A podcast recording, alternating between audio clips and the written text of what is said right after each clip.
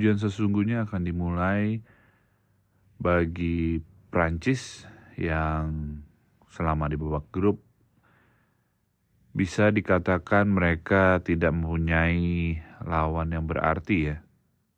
Kecuali melawan Tunisia yang pertandingan terakhir, namun itu juga dengan rotasi pemain yang besar-besaran, 9 pemain dirotasi oleh Didier Deschamps dan akhirnya hasilnya mereka kalah di pertandingan lawan Tunisia. Tapi itu juga setelah mereka memastikan lolos ke babak selanjutnya. Jadi ini adalah uh, pertandingan yang menentukan tiap, tiap tim ya lang langkah mereka untuk lanjut ke babak-babak selanjutnya. Di babak 16 besar Prancis akan ditantang oleh Polandia yang lolos dengan sedikit keberuntungan ya kemarin itu setelah mereka kalah dari Argentina di babak terakhir dan uh, di pertandingan terakhir maksudnya di babak grup. Dan mereka akan menguji kekuatan Prancis yang kita tahu sebagai juara bertahan mereka mempunyai satu misi tertentu ya terutama dengan tidak adanya beberapa pilar Prancis yang bermain di Piala Dunia kali ini seperti Paul Pogba, uh, dan juga Karim Benzema, mereka berusaha untuk uh, memperlihatkan kepada publik bahwa mereka adalah juara bertahan, mereka adalah yang layak mempertahankan gelar, dan mungkin salah satunya adalah mereka ingin membuktikan bahwa kutukan juara bertahan itu tidak benar. Ya, so far so good untuk Prancis, tapi bagaimana mereka melawan Polandia itu harus menjadi perhatian karena Polandia sebenarnya mempunyai banyak pemain yang uh, bertipe pekerja keras dan ya memang uh, Lewandowski hanya baru bisa mencetak satu gol di ajang Piala Dunia tapi bukan tidak mungkin Lewandowski bisa mempersulit gerakan dari uh, pertahanan Prancis dan uh, bisa pemain yang lain bisa step up ya kayak uh, Zelinski.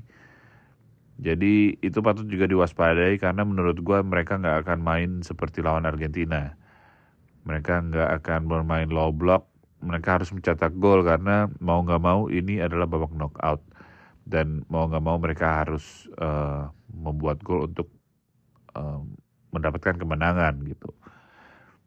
Jadi sepertinya uh, approach yang akan dibawa oleh Polandia akan berbeda seperti game lawan Argentina di pertandingan terakhir mereka. Dan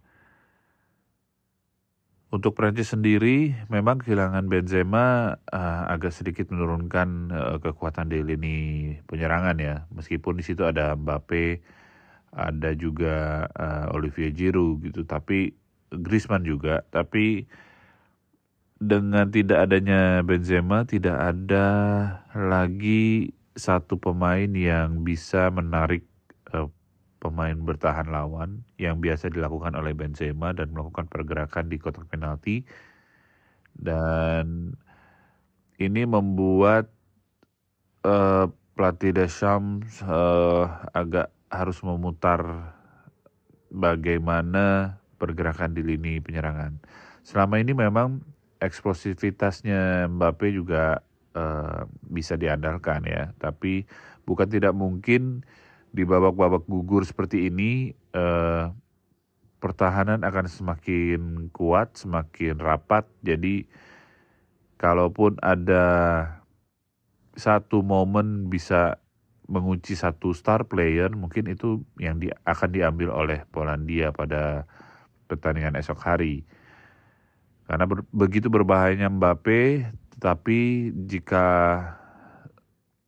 pemain lainnya tidak perform juga, pemain lainnya tidak mendapatkan bola dari lini tengah, itu akan membuat Prancis kesulitan mencetak gol. Dan uh, ya itu juga menjadi momok bagi Prancis ya, si Chesney bagaimana dia tampil luar biasa selama uh, Piala Dunia kali ini. Ya itu akan menaikkan kepercayaan diri mereka ya dan juga kepercayaan diri uh, pemain belakang dari Polandia. Bagaimana dia percaya bahwa kipernya tangguh dan mereka akan lepas bermainnya.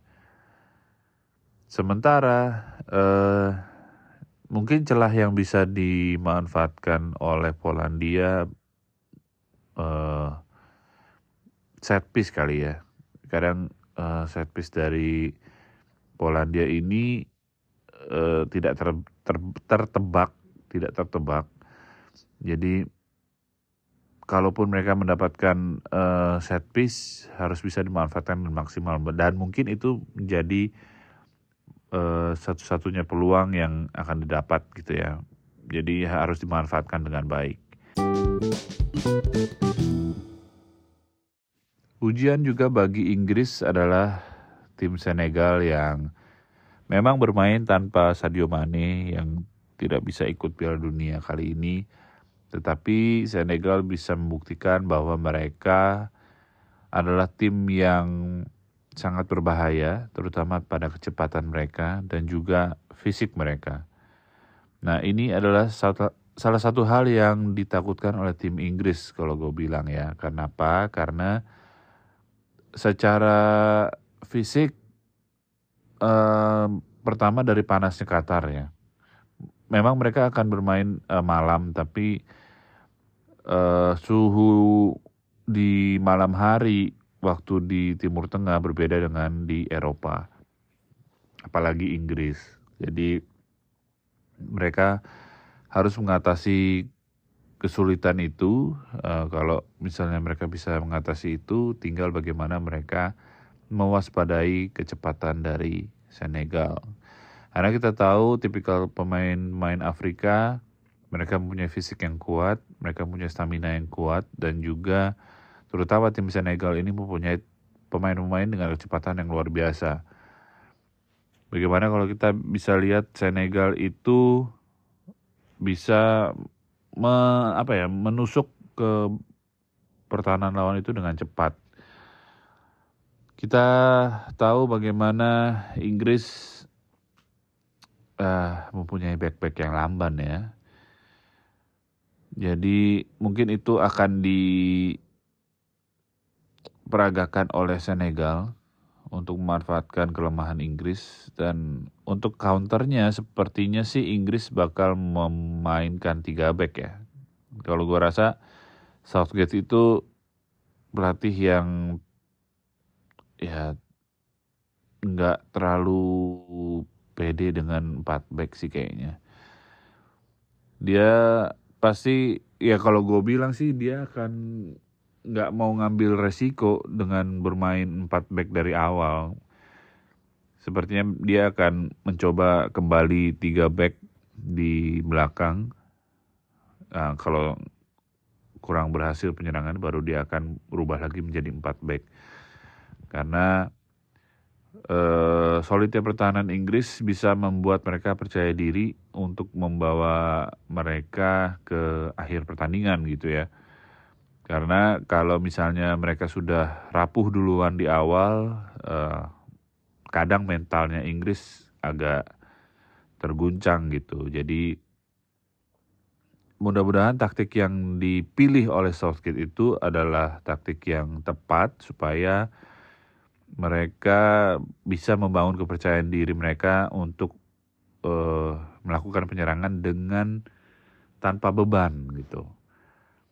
Kadang Inggris bermain e, menyerang itu mikirnya terlalu banyak, jadi terlalu ya overthinking ya kalau misalnya meminjam istilahnya Pep Guardiola ya. Padahal sebenarnya e, penyerangan yang dilakukan Inggris dengan talenta-talenta yang dipunyai itu e, bisa memperlihatkan kreativitas pemain Inggris. Satu hal yang menjadi ganjalan mungkin ya di babak knockout bagi Inggris adalah bagaimana mereka masih trauma atas uh, adu penaltinya di Euro kemarin.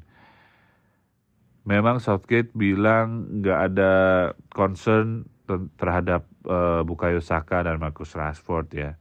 Bagaimana mereka tetap dipercaya kalaupun memang harus ke adu penalti.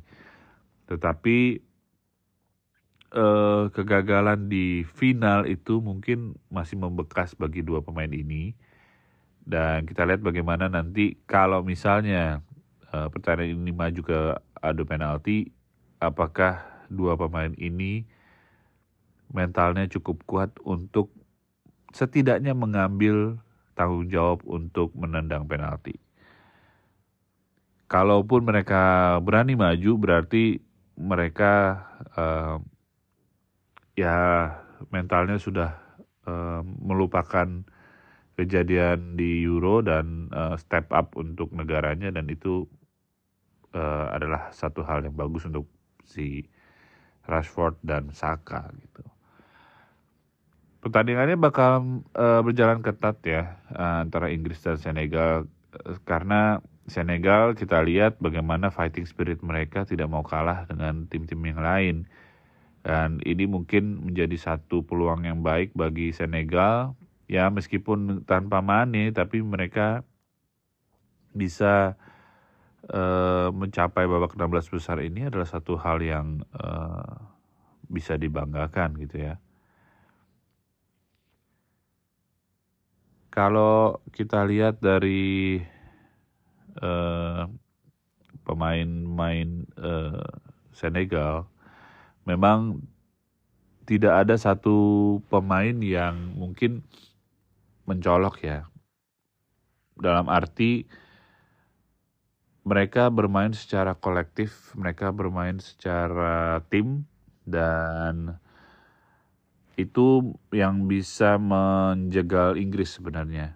Karena kalau misalnya ada Mane ini menurut gua, kalau misalnya ada Mane Eh, pasti si pertahanan itu akan fokus ke Mane gitu. Jadi bagaimana uh, pertahanan mereka akan fokus mengunci Mane. Tapi dengan tidak adanya Mane, mereka praktis lebih uh, leluasa karena bisa membuat bingung Inggris. Karena banyak option yang bisa dipakai oleh Senegal untuk uh, menjadi fokus penyerangan.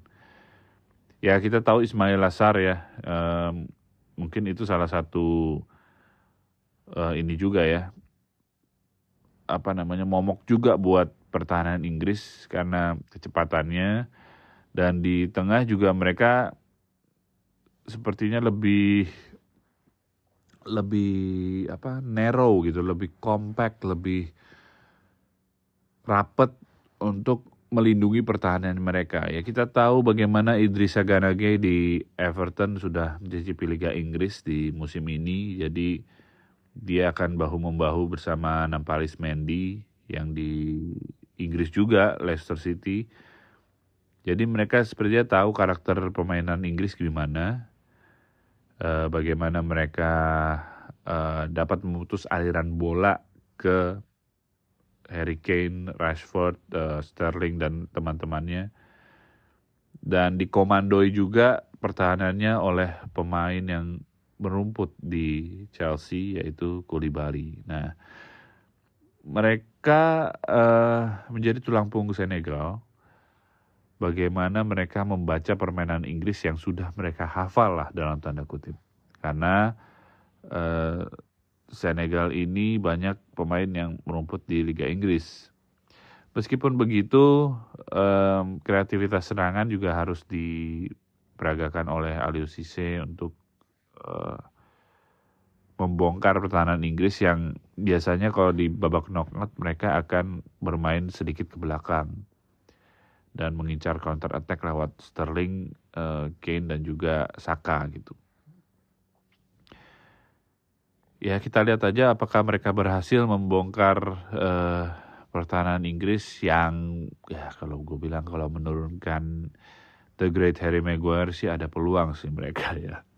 Tetap loh Harry Maguire jadi sasaran gue tapi ya itu kenyataannya gitu loh. Jadi uh, terutama seperti yang gue bilang lagi-lagi Inggris mempunyai hanya satu back kiri jadi mungkin itu bisa di eksploitasi oleh Ismail Lassar bagaimana Dia bisa mengajak lari Shaw sepanjang pertandingan dan membuat Shaw uh, terkuras stamina-nya dan itu membuat Southgate akan berpikir ulang mengenai uh, apa namanya strategi dari timnya gitu.